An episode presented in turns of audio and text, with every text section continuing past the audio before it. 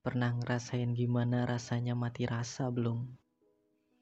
Kalau belum, tertarik nggak buat ngerasainnya? Gua punya tips and triknya nih.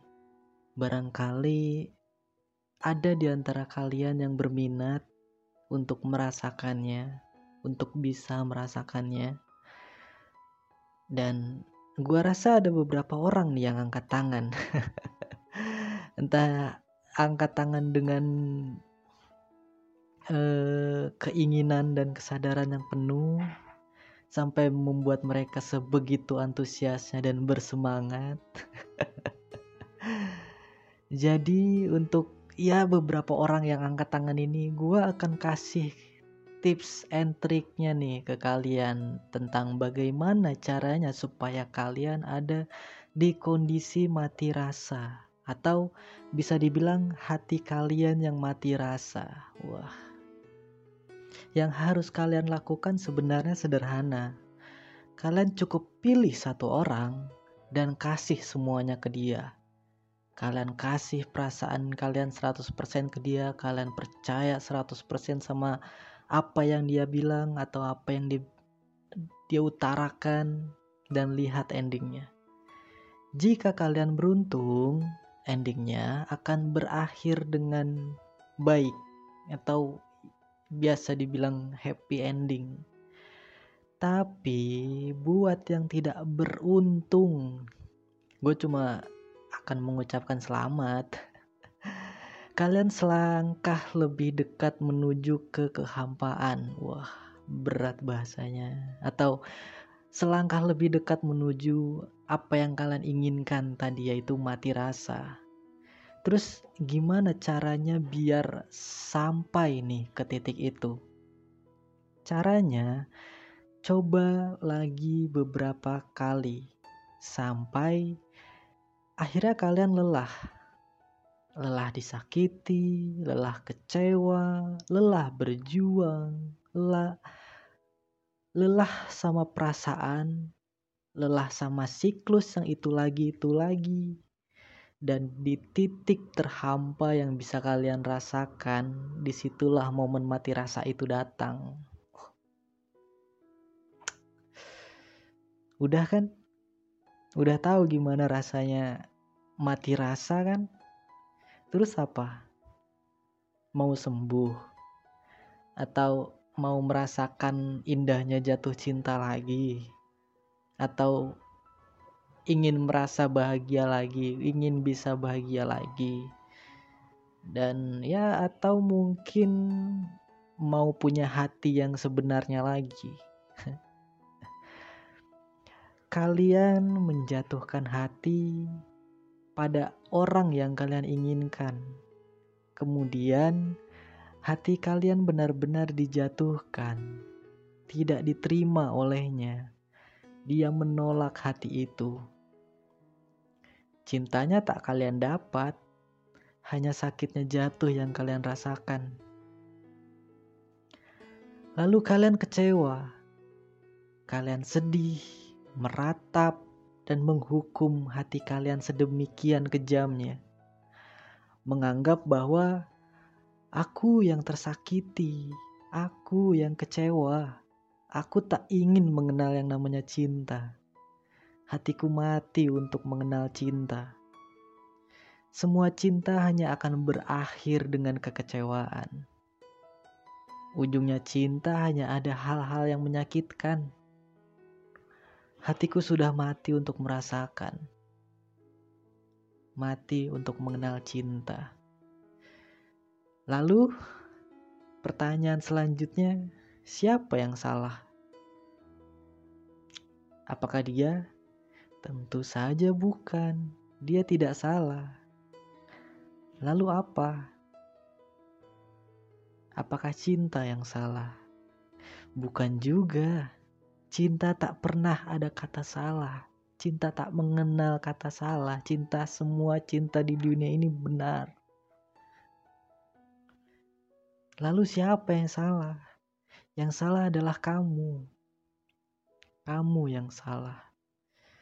Kenapa orang yang tersakiti justru yang jadi tersangka untuk luka yang dia rasakan.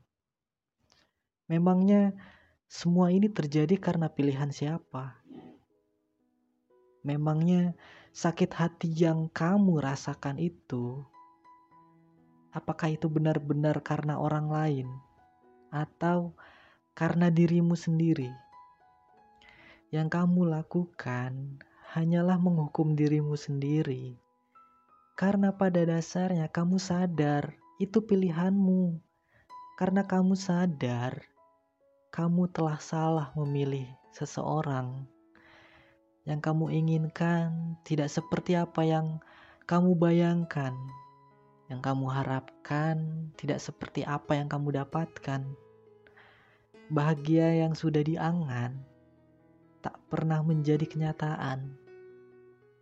Dan kamu marah, sangat marah.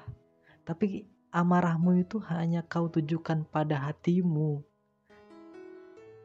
Kamu menghukumnya dengan begitu kejamnya. Sampai muncul kalimat, aku mati rasa. Menurutku bukan, itu bukan mati rasa itu hanyalah sebuah ketakutan. Iya, ketakutan.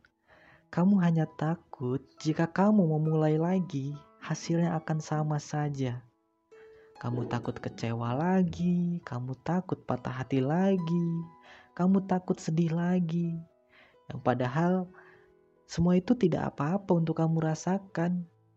Tidak apa-apa untuk menangis, tidak apa-apa untuk bersedih, tidak apa-apa untuk patah hati lagi berkali-kali. Ya memangnya kenapa? Kenapa dengan semua itu? Tidak ada yang salah dengan semua itu. Itu menunjukkan bahwa kamu masih punya perasaan. Menunjukkan bahwa kamu sebegitu tulusnya mencintai seseorang. Hati yang patah masih bisa tumbuh Asalkan kamu tidak membuat hatimu menjadi sekeras batu. Hati yang sedih masih bisa bahagia. Asalkan kamu mau menerima kenyataan. Jadi, jangan takut patah hati. Jangan takut untuk memulai lagi. Jika kamu ingin bahagia, jalani prosesnya. Belajar dan tumbuh di dalamnya. Buka pikiranmu untuk lebih terbuka tentang banyak hal-hal baru di luar sana. Maka pada akhirnya kamu akan menemukan bahagiamu. Bahkan lebih dari itu, kamu bisa menciptakan bahagiamu sendiri. Sekarang kamu sudah tahu caranya sembuh. Lalu apa? Kamu masih takut? hatimu masih belum siap, ya tidak apa-apa. Memang siapa yang menyuruhmu untuk segera pulih? Tidak ada kan? Jika patah hati memang semenyenangkan itu untuk kamu rasakan, ya sudah lanjutkan. Tidak usah terburu-buru untuk segera pulih. Santai saja, nikmati saja kecewanya dulu. Resapi tiap tetes air mata yang keluar Basahi bantalmu tiap malam dengan air mata itu sampai kamu lelah, lalu tertidur. Lalu lanjutkan lagi di malam-malam berikutnya. Ya silahkan. Tidak ada yang melarangmu untuk menikmati kesedihanmu itu. Tapi satu pesanku. Jangan ada kata mati untuk merasakan. Jangan pernah takut untuk terus mencoba. Kamu tahu nggak? kenapa aku bisa ngomong kayak gini. Karena aku sudah mengalaminya sendiri. Berkali-kali kecewa, berkali-kali patah hati, berkali-kali sedih, bahkan sempat menangisi seseorang. Sampai akhirnya aku bisa tumbuh sekuat ini. Karena hati ini akhirnya terlatih untuk menjadi tangguh dan tak mengenal kata menyerah tidak pernah takut untuk terus mencoba, karena aku percaya kita adalah tokoh utama di setiap cerita yang kita buat. Jangan mau jadi figuran. Jangan mau jadi pemain cadangan. Jangan mau hanya sekedar menjadi dalang di balik layar. Jadilah pemeran utama dalam kisahmu. Dan buatlah ending bahagia di dalamnya. Jadi itu dulu dari gua. Sekian dan terima kasih. Ciao.